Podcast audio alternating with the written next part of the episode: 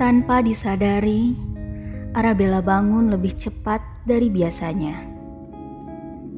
Ibunya sudah mengemas segala perlengkapan yang dibutuhkan saat tak di rumah nanti.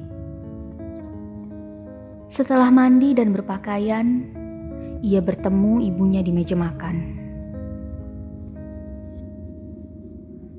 Suap demi suap, ia santap hidangan sarapan pagi agar tak terlambat beranjak dari rumah.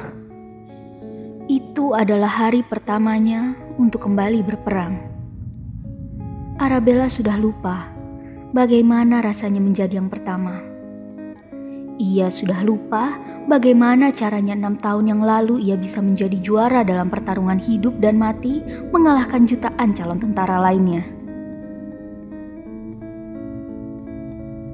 Tapi sayang, Ibunya membatalkan kemenangan itu tiga bulan setelahnya dengan alasan bahwa ibu dan ayahnya masih sekolah dan belum mampu merawat sang juara yang istimewa. Kini, enam tahun sudah peristiwa itu berlalu.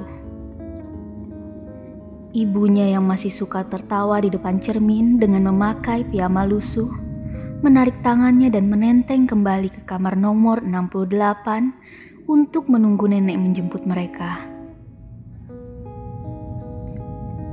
Dengan satu tegukan dan satu tarikan nafas, ibunya teriak.